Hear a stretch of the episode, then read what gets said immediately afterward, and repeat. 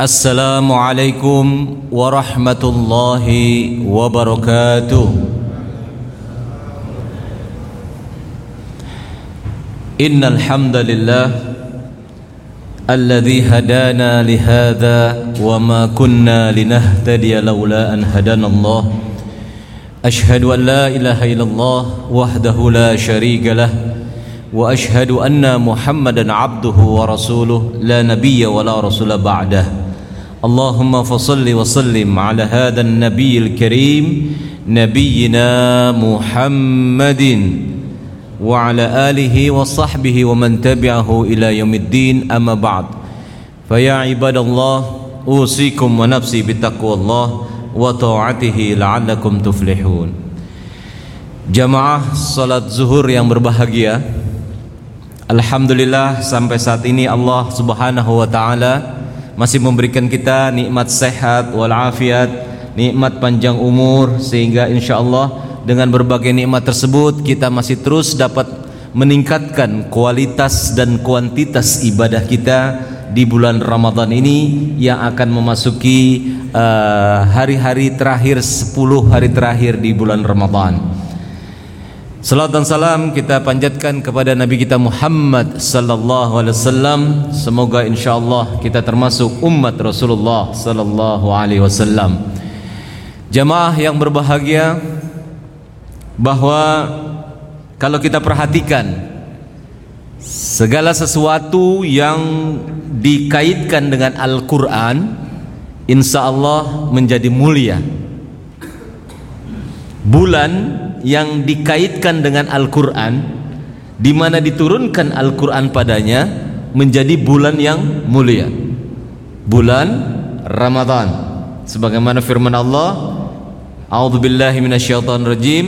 Syahrul Ramadan alladzi unzila fihi al-Qur'an hudan lin-nasi wa bayyinatin minal huda wal furqan. Bahwa inilah bulan Ramadan bulan yang diturunkan kepadanya Al-Quran. Jadi hadirin sekalian yang berbahagia sebelum Nabi Muhammad SAW diutus oleh Allah perlu diketahui bahwasanya bulan yang mulia itu ada empat. Sebagaimana firman Allah dalam surat At-Taubah ayat 36 Allah berfirman A'udzubillahi minasyaitonirrajim Inna iddatash syuhur indallahi 12 syahran fi kitabillah. Yauma khalaqas samawati wal ard minha arba'atun hurum. Mohon tidak bicara ya kalau lagi ada kajian silakan memperhatikan kajian jangan bicara antar sesama ya.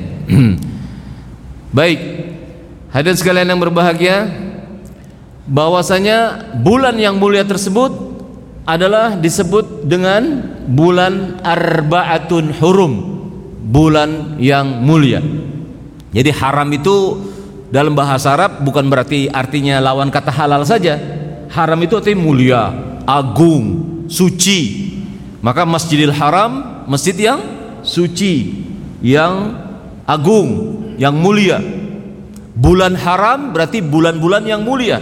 Yaitu kata Nabi dalam hadisnya tiga bulan diucapkan berturut-turut satu yang terpisah. Yang berturut-turut mulai dari Zulqa'dah Zulhijjah Muharram dan yang terpisah Rajab. Ini bulan-bulan yang mulia dikatakan dikatakan arbaatun hurum. Sebelum Nabi Muhammad SAW diutus, orang Arab semua sudah paham bahwa di dalam satu tahun ada 12 bulan, di antara 12 bulan ada empat bulan yang mulia. Empat bulan yang mulia ini dulunya adalah empat bulan yang dihormati untuk tidak melakukan perang satu sama lain di mana bangsa Arab dulunya suka berperang antar suku. Bahkan ketika Nabi Muhammad SAW sudah berdakwah, datang tuh dua suku dari Madinah yang dulunya saling berperang sampai ratusan tahun. Dalam uh, kitab tarikh uh, kelengkapan tarikh Muhammad wasallam yang ditulis oleh Kiai Haji Munawar Khalil disebutkan dua suku yang berperang ini sampai 250 tahun berperangnya. Subhanallah dengan dihadirkannya Nabi Muhammad SAW dua suku yang saling berperang ini tidak lagi jadi berperang bahkan bersaudara. Di empat bulan ini bangsa Arab dulu sudah bersepakat kesepakatan ini disebut hilful fudul kesepakatan damai antar berbagai suku dan kabilah di Arab.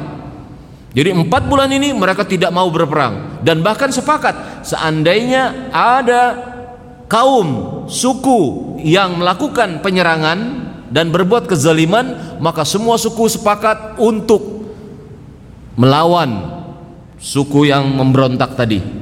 Nah, ini kapan ditetapkannya ini?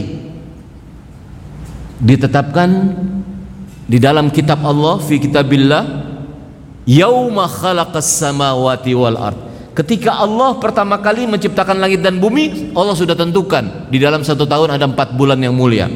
Nah, ketika Rasulullah SAW diutus menjadi nabi dan rasul, maka turunlah surat Al-Baqarah ayat 183 sampai 185 yang di dalamnya berisi bahwa ternyata lebih mulia bulan Ramadan dibandingkan dengan bulan-bulan yang lain. Di mana Nabi SAW bersabda, telah datang kepadamu bulan Ramadan, wahwa syahrun azim. Dan dia adalah bulan yang azim, bulan yang mulia. Dengan berbagai kemuliaan-kemuliaan yang insya Allah jamaah semua sudah paham. Karena ini sudah hari ke-19 ya. Ini sudah hari ke-19. Nah, saya tidak akan membahas tentang kemuliaan-kemuliaan daripada bulan Ramadan namun satu hal yang harus kita ketahui sesuatu yang didekatkan dengan Al-Quran insya Allah menjadi mulia. Malam yang diturunkan padanya Al-Quran menjadi malam yang mulia. Disebut malam malam Lailatul Qadar. Allah berfirman dalam surat Al-Qadar A'udzubillahi minasyaitonirrajim. Inna anzalnahu fi Lailatul Qadar Wa ma adraka ma Lailatul Qadar Lailatul Qadri khairum min alfi syahrin tanazzalul malaikatu warruhu fiha biizni rabbihim min kulli amrin salam salamun hiya hatta matla'il fajar jadi malam yang diturunkan padanya Al-Quran menjadi malam yang mulia dibandingkan dengan malam-malam yang lain dan dia ada di 10 hari terakhir yang disebut dengan malam Lailatul Qadar di mana Nabi kita Muhammad sallallahu alaihi wasallam dalam hadisnya juga mengatakan di dalam bulan Ramadan itu fihi lailatun khairun min alfi syahrin. Di dalam bulan Ramadan yang mulia tersebut terdapat satu malam yang lebih baik dari seribu bulan. Perhatikan kalimatnya. Khairun min alfi syahrin. Kadang-kadang seseorang mengartikannya bulan uh, malam Lailatul Qadar sama dengan seribu bulan tidak kalau sama dengan nggak memakai kata khairun khairun itu artinya lebih lagi dari seribu bulan. Jadi lebih dari seribu bulan bukan sama dengan seribu bulan. Bagaimana lebihnya? Itu terserah Allah. Allah yang punya kehendak untuk menentukan berapa kelebihannya bagi seseorang. Subhanallah. Anggaplah seribu. Apa asal usul daripada malam Lailatul Qadar ini di mana Nabi SAW pernah melihat seorang kakek-kakek agamanya Yahudi ini kakek udah tua tapi rajin ibadah terhadap agamanya Nabi mungkin terbesit di hatinya Coba umatku seperti ini ya. Udah tua tapi masih ibadah kepada Allah dengan taat. Ternyata bukan disamakan oleh Allah seperti kakek-kakek tersebut, bahkan Allah memberikan bonus yang sangat besar kepada Nabi Muhammad SAW dengan mengatakan Allah siapkan satu malam yang apabila hambanya umat Muhammad wasallam beribadah pada malam itu bagaikan dia seakan-akan ibadah selama seribu bulan. Lebih lagi dari seribu bulan. Masya Allah oke seribu bulan misalkan. Kalau kita anggap seribu bulan saja. Berarti kurang lebih 83 tahun. Nah Nabi Muhammad SAW merasa ingin dan bangga nantinya di hadapan nabi-nabi yang lain memiliki umat yang punya masa ibadah kepada Allah itu sangat panjang. Seandainya seseorang di masa hidupnya mendapatkan malam Lailatul Qadar 10 saja misalkan. 10 kali 83 berarti 830 tahun. Anggap umur biologisnya 70 tahun. Berarti 830 tambah 70 berarti umur orang tersebut 900 tahun dan Nabi pengen umatnya itu memiliki umur ibadah yang panjang nanti di akhirat. Subhanallah. Di hadapan dengan umat-umat nabi-nabi yang lain. Bagaimana cara mencarinya? Inilah kita contoh Nabi kita Muhammad sallallahu alaihi wasallam. Bahwa ternyata Nabi Muhammad SAW itu sangat intens di dalam beribadah kepada Allah. Padahal dia Nabi padahal dia Habibullah kekasih Allah. Padahal dia itu maksum maksum itu artinya apa? Terbebas dari dosa. Kalaupun dia melakukan kesalahan kesalahan itu kesalahan yang untuk perbaikan dan pelajaran bagi umatnya. Bayangkan. Lah kita siapa? Nabi bukan Habibullah bukan yang dijamin masuk surga pun tidak. Tapi kenapa kita nggak berusaha untuk mengikuti jejak langkah Nabi Muhammad SAW bagaimana? Nabi sejak dari tanggal 1 sampai akhir itu tekun di dalam beribadah. Apalagi ketika memasuki 10 hari terakhir di bulan Ramadan Hadis sahih mengatakan Nabi ketika memasuki 10 hari daripada bulan Ramadan mengencangkan ikat pinggangnya dan menggelorakan semangat beribadah kepada keluarganya di malam hari. Subhanallah. Kita bisa lakukan. Bedanya kita dengan Nabi Muhammad SAW, ya, karena dia mendapatkan wahyu. Dia adalah seorang nabi yang mendapatkan wahyu. Secara biologis kita tidak ada bedanya dengan Nabi Muhammad wasallam.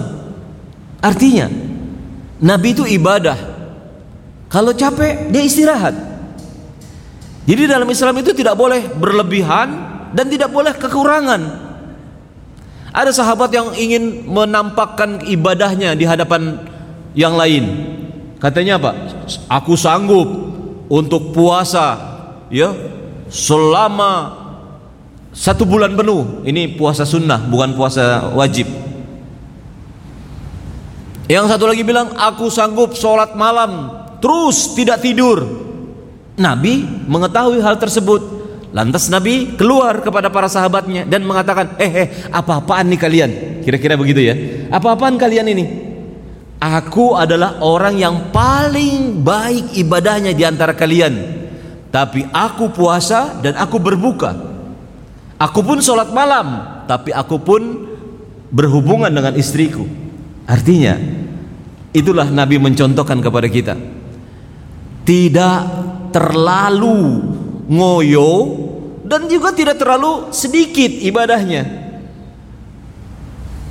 Khairul umur ausatuha sebaik-baik sebaik-baik sesuatu itu adalah yang di pertengahan kata Nabi. Artinya Nabi SAW kalau memasuki 10 malam yang terakhir itu Nabi mengencangkan ikat pinggangnya barangkali ada jamaah yang paham mengencangkan ikat pinggang di sini maksudnya apa ya ayo biar kita ada dialog komunikasi maksudnya apa mengencangkan ikat pinggang itu hmm apa? Banyak ibadah. Nabi itu melakukan i'tikaf. I'tikaf itu artinya 10 malam yang terakhir. Sehingga begitu Nabi ma'iktikaf, Nabi mengencangkan ikat pinggangnya dan membangunkan daripada keluarganya. Yang dimaksud mengencangkan ikat pinggang, mohon maaf, ini bahasa kiasan di 10 hari terakhir Nabi tidak melakukan hubungan dengan istrinya Karena 10 malam Nabi berada di dalam masjid. Namun perlu diketahui masjid Nabi pada saat itu itu berdampingan dengan rumahnya. Jadi pintunya dan jendelanya itu satu. Jadi kapan saja Nabi mau masuk ke rumahnya sebenarnya bisa. Tapi Nabi tidak lakukan itu. Nabi serius ibadah di dalam masjid dan tidak masuk ke dalam rumahnya. Subhanallah. Jadi keluar dari masjid kalau ada hajat, kalau ada kebutuhan. Ya, buang hajat dan sebagainya. Tapi dia tidak masuk ke rumahnya. Itu Nabi. Bahkan dalam sebuah riwayat dikatakan Nabi suatu kali pernah uh, menjulurkan kepalanya ke balik jendela. Jadi kalau jendela itu dibuka, kelihatan rumah Nabi. Nah, Nabi cuma menjulurkan kepalanya ke jendela. Dari balik jendela, Bunda Aisyah, istri Nabi mensisirkan rambut Nabi. Masya Allah. Luar biasa. Harmoni sekali rumah tangga Nabi Muhammad SAW. Ada yang ngomong, itu kan Nabi pak. Gimana saya ini kan pekerja, saya pedagang, saya ngajar. Oke, okay, Gak ada masalah. Tapi ingat, ada sebuah kaidah usul fikih mengatakan begini. Mala yudroku kulluhu la tadruku kulluh. Apa yang gak bisa kamu lakukan semua terhadap ajaran Allah, jangan kau tinggalkan semua. Itu prinsip. Jadi mentang-mentang dia nabi kita bukan nabi, akhirnya kita nggak itikaf. Itu salah. Katanya umat Nabi, katanya pengen contoh Nabi. Eh di 10 hari terakhir di, di bulan Ramadan nggak pernah itikaf selama hidupnya. nggak pernah masuk masjid sengaja masuk masjid untuk ibadah kepada Allah dalam waktu tertentu. nggak pernah. Coba jujur, udah pernah nggak semasa hidupnya itikaf di 10 hari terakhir? Halo? Pernah? Pernah alhamdulillah. Nah yang belum coba tuh mikir-mikir lagi, pantaskah saya sebagai umat Nabi Muhammad? Pantaskah saya disebut dengan umat Nabi Muhammad yang dari segi etikafnya saya nggak ikutin sunnah Nabi Muhammad SAW. Padahal hadis sahih mengatakan Nabi Muhammad itu melakukan etikaf selama hidupnya. Bahkan di masa di tahun di mana Nabi wafat pada tahun itu Nabi etikafnya di bulan Ramadan pada saat itu tahun itu sebulan penuh berada di dalam masjid subhanallah oke sekarang terpulang kepada kita kalau tidak bisa 10 malam berapa malam yang bisa kita lakukan saya kerja pak emang kerja tujuh hari tujuh malam Hah? Nggak ada yang kerja tujuh hari tujuh malam. Anda bisa ambil weekend. Anda bisa ambil Sabtu malam Ahad. Coba sekali aja, sekali seumur hidup. Umpamanya, ini minimal banget. Minimal banget sekali saja seumur hidup, semalam saja seumur hidup. Wabil khusus memang tidak ada keterangan yang pasti malam keberapa tapi umumnya sahabat-sahabat itu menebak itu malam-malam ganjil di 10 malam yang terakhir. Bahkan ada sebuah hadis yang agak kuat yaitu di malam ke-27. Itu biasanya malam Lailatul Qadar. Tapi sekali lagi, ini rahasia Allah. Tidak ada malam yang pasti malam Lailatul Qadar itu kapan, nggak ada. Namun sekali lagi, ayo dong, fastabikul khairat berlomba-lomba dalam kebaikan dan bagaimana kita bisa mengikuti sunnah Nabi Muhammad SAW. Pak Ustadz kalau sehari semalam kayaknya nggak bisa deh. Oke, kalau nggak bisa datang malam hari ke masjid. Malam hari datang ke masjid, udah selesai sholat terawih apa segala macam, kita cari masjid yang di situ mengadakan iktikaf. Kalau di daerah Jakarta Timur, Masjid Atin kalau di selatan Masjid Al-Azhar Kalau di timur juga ada Masjid Abu Bakar As-Siddiq, Jalan Otista Raya. Masya Allah, saya kenal banget dengan pendiri masjid itu. Sudah meninggal uh, setahun yang lalu. Seorang tua yang bernama Haji Abdul Qadir Askar. Itu tadinya rumah. Luas rumahnya di pinggir jalan raya Otista. Di sebelah daripada apartemen MTH Square namanya Masjid Abu Bakar As-Siddiq. Si almarhum itu melihat setiap maghrib lewat itu banyak mobil motor-motor itu maghrib-maghrib masih ada di jalan. Dia bertanya dalam hatinya ini di mana mereka sholat ini? Para pengendara sudah maghrib ini belum pada sholat. Macet. Akhirnya dia pindah ke rumah uh, anaknya itu tempat dibangun masjid enam lantai. Tiga lantai digunakan untuk sholat dan selebihnya untuk ruang seminar dan paling atas itu ada uh, ruangan untuk TV saling sapa. Kalau ketik di Google ada TV saling sapa TV dakwah. Subhanallah. Dari berdirinya sembilan tahun yang lalu sampai sekarang itu masjid rutin mengadakan iktikaf baik laki-laki maupun perempuan. Yang perempuan di lantai satu, yang laki-laki di lantai dua dan lantai tiga. Subhanallah. Dan dijamin yang etikaf di sana itu mendapatkan makan sahur gratis prasmanan. Masya Allah. Fasilitas sudah ada. Tinggal kemauan kita. Ya, kalau di Masjid Atin ada panitianya, kita mau makan sahur beli kupon. Di Al Azhar pun demikian. Bahkan di Al Azhar tuh sekelilingnya banyak makanan. Jadi nggak ada masalah sebenarnya. Kita makan sahur di sana.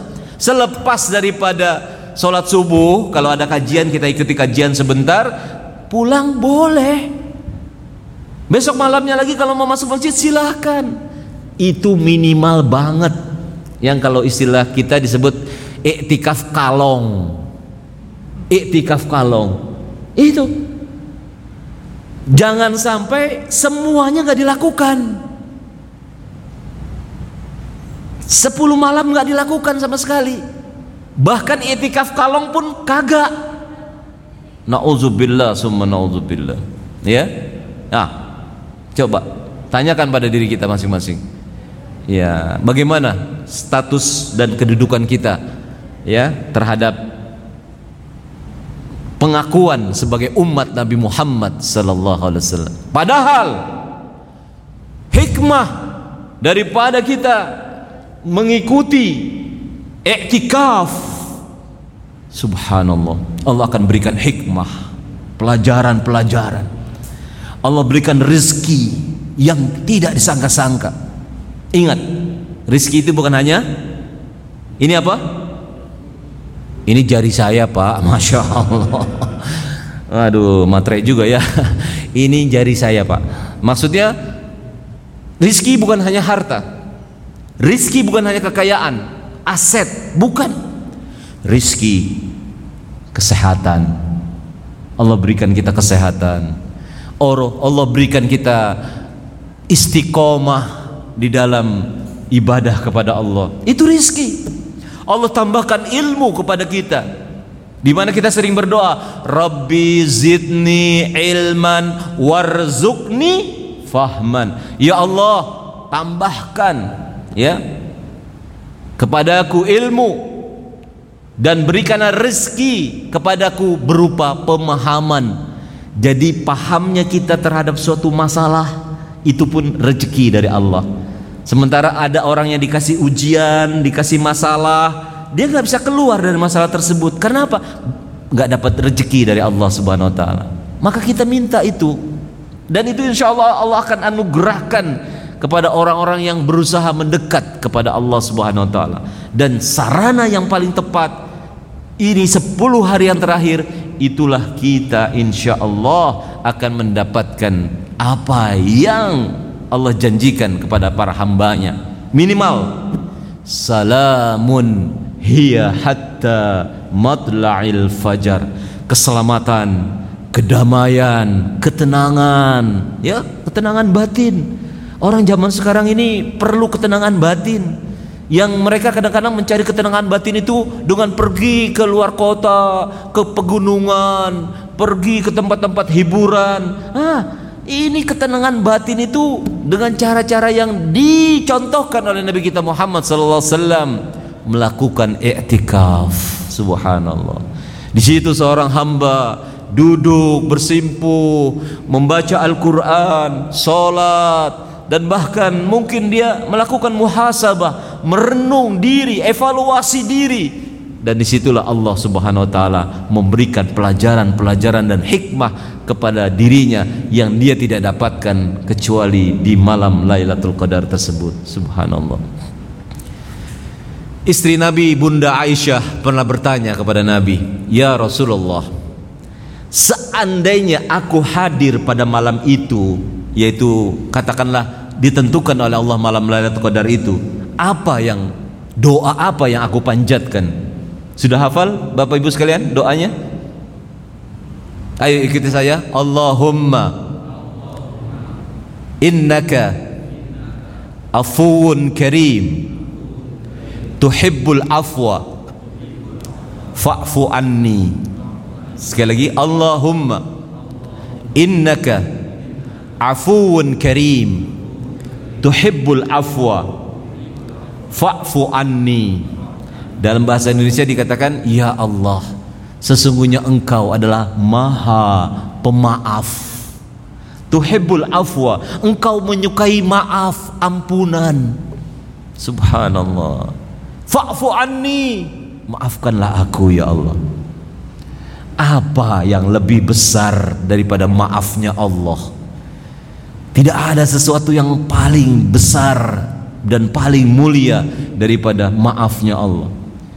Di dalam kehidupan dunia saja, seorang terpidana atau tersangka tidak ada yang lebih diharapkan oleh dia kecuali maaf, ampunan, grasi Subhanallah. Itu di dunia. Bagaimana kalau Allah Subhanahu wa taala sudah memaafkan dia? Maka dia keluar dari Ramadan. Nabi mengatakan apa? Kayaumin waladathu ummuh seperti bayi yang baru lahir dari perut ibunya. Subhanallah. Fitrah. Nanti pada kesempatan lain kita bahas fitrah. Hadirin sekalian yang berbahagia bulan yang terkait dengan Al-Quran menjadi bulan yang mulia malam yang di situ diturunkan Al-Quran menjadi malam yang mulia malaikat yang kepadanya diperintahkan untuk menyampaikan Al-Quran kepada seorang nabi yang mulia. Malaikat itu menjadi malaikat yang mulia. Malaikat siapa?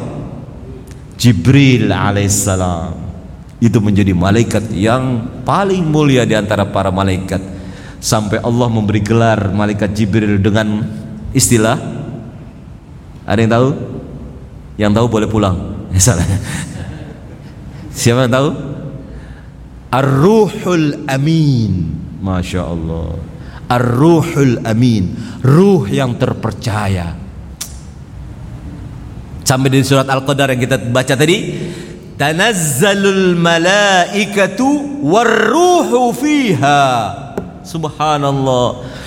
Ternyata di deretan malaikat-malaikat yang turun ke permukaan bumi di malam Lailatul Qadar itu di situ termasuk Jibril alaihissalam Jibril pun bersama dengan para malaikat yang lain itu turun ke lapisan bumi yang terdekat Subhanallah menyaksikan siapa hamba-hamba Allah yang pada saat itu bangun, tidak tidur.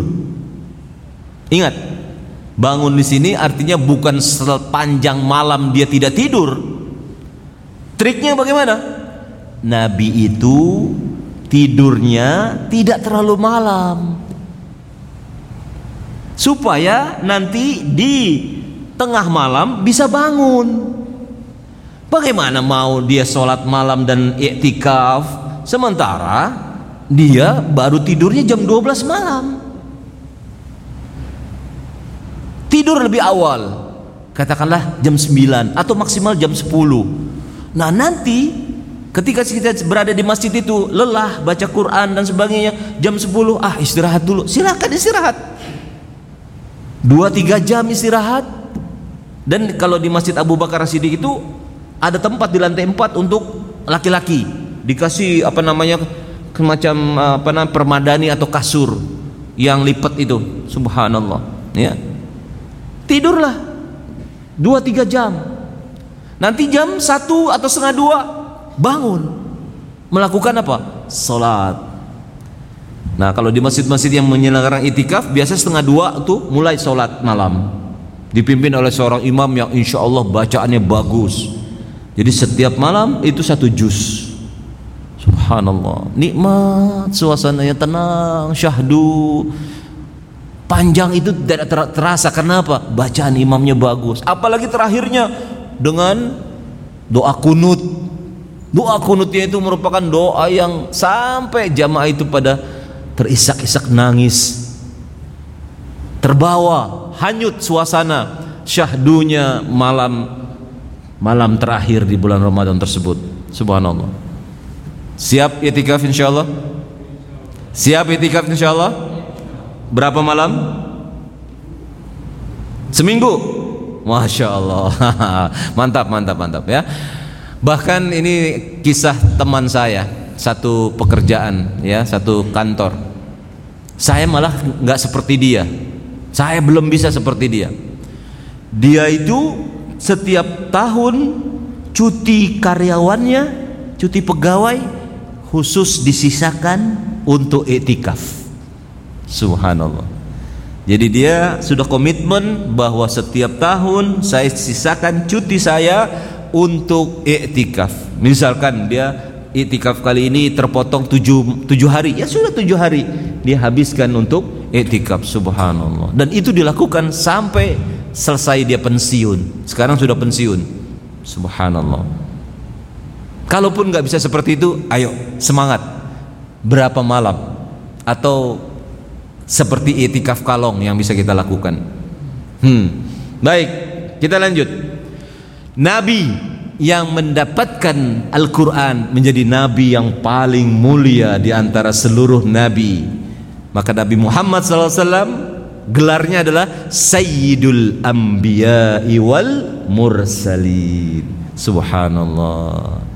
Bahkan ketika Nabi Adam alaihissalam pada saat itu suatu ketika melihat di langit, di langit itu tertulis tulisan La ilaha illallah Muhammadur Rasulullah. Sampai bertanyalah Nabi Adam kepada Jibril wahai Jibril siapa itu Muhammad? Dia adalah nabi terakhir yang diutus oleh Allah Subhanahu wa taala. Belum lagi ada orangnya namanya sudah disebut. Bahkan disebut dalam kitab-kitab sebelumnya. Contoh seperti kitab Injil tertuang di dalam Al-Qur'an di surat uh, Al-Hasyr kalau nggak salah. Bahwasanya mim ba'di ismuhu Ahmad. Bahwa nanti akan datang sesudah Nabi Isa alaihissalam seorang nabi yang namanya Ahmad. Ahmad dengan Muhammad artinya sama. Yang terpuji. Subhanallah. Maka kalaulah nabi yang mendapatkan Al-Quran menjadi nabi yang mulia Berarti kalau kita sebagai umat Nabi Muhammad bisa dong kita menjadi mulia. Iya toh? Bisa kita menjadi umat yang terbaik di antara sekian umat di nabi-nabi yang lain? Bisa. Jadi dengan Al-Qur'an kita bisa menjadi mulia. Salah satu ayat mengatakan begini, surat Ali Imran ayat 110. Allah berfirman, "A'udzubillahi minasyaitonirrajim."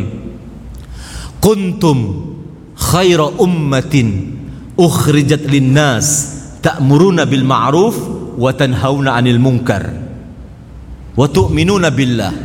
Masya Allah.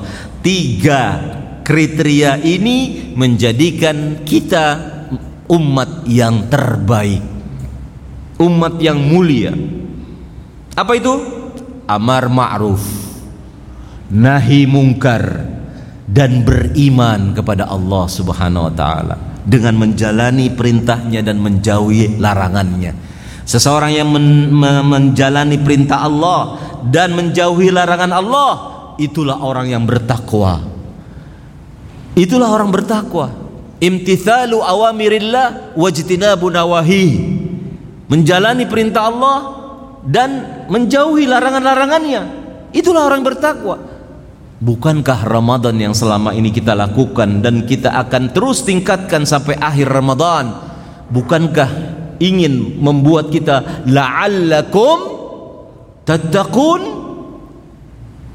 Bukankah itu yang dikehendaki oleh kita semua agar kalian menjadi orang-orang yang bertakwa? Ingat, kata-katanya la'allakum. Bukan sesuatu yang pasti bukan sesuatu yang pasti. Kenapa? Karena orang yang mengalami Ramadan belum tentu dia mendapatkan gelar takwa. Kenapa? Ada hadis Nabi wasallam mengatakan kam min saimin laisa lahu min siyamihi ilal ju' wal atash. Betapa banyak orang yang puasa tapi tidak mendapatkan apa-apa dari puasa kecuali lapar dan haus. Rabba qaimin laisa lahu min qiyamihi illa as-sahar. Betapa banyak orang yang bangun di malam-malam hari melaksanakan ibadah kepada Allah tapi nggak dapat apa-apa kecuali begadang, nggak tidur. Ternyata ada orang-orang seperti itu. Bahkan naudzubillah, naudzubillah jangan sampai ini terjadi pada kita. Nabi SAW sampai tiga kali mengatakan celakalah seseorang, celakalah seseorang, celakalah seseorang. Kenapa? Dia masuk Ramadan, tapi keluar daripada Ramadan, dosanya tidak diampuni oleh Allah Subhanahu wa taala. Masya Allah. Jadi pantas Allah mengatakan la'allakum agar kalian menjadi orang-orang yang bertakwa. Tidak ada jaminan. Tergantung kita. Bagaimana kita memaksimalkan puasa kita? Dengan cara apa? Man shoma ramadhana imanan wa ihtisaban ghufira lahu ma taqaddama min zambi. Siapa yang berpuasa dengan iman, keyakinan dan betul hati-hati, ihtisab, berhitung. Jangan sampai puasanya batal gara-gara dusta, gara-gara janji palsu, omong kosong, jangan gara-gara memfitnah, mengadu domba, berkhianat, curang, korupsi, percuma. Puasa-puasa tapi korupsi juga. Puasa-puasa tapi bohong, puasa-puasa curang, puasa-puasa mengambil hak orang lain, nggak ada manfaatnya. Nah itu yang harus dihindari. Padahal kalau seorang mukmin mendapat gelar takwa, apa kata Allah? Inna akramakum indallahi atqakum. Sungguh yang paling mulia di antara kalian adalah orang-orang yang bertakwa. Jadi kita bisa mulia dengan Al-Quran. Al-Quran mengajarkan kita untuk amar ma'ruf Nahi mungkar Dan beriman kepada Allah Untuk mendapatkan gelar takwa. Sehingga orang yang bertakwa adalah orang yang paling mulia. Semoga insya Allah kita termasuk hamba-hamba Allah yang mendapatkan kemuliaan dengan Al-Quran. Semoga insya Allah kita dapat memaksimalkan akhir daripada Ramadan ini dengan sebaik-baiknya sehingga kita akhiri Ramadan ini dengan yang terbaik daripada tahun-tahun sebelumnya. Siapa yang Ramadan ini lebih baik daripada tahun sebelumnya itulah yang kata Nabi beruntung. Hari ini lebih baik dari hari kemarin. Hari esok lebih baik daripada hari ini. Subhanallah demikian yang bisa saya sampaikan. Ada pertanyaan atau tanggapan?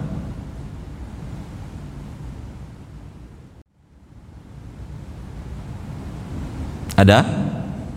Baik kalau tidak ada kita akhiri dengan doa kafaratul majlis. Subhanakallahumma bihamdika asyhadu an la ilaha illa anta astaghfiruka wa atubu ilaik. Hadanallahu wa ikum ajmain. Wal afu minkum. Wassalamu alaikum warahmatullahi wabarakatuh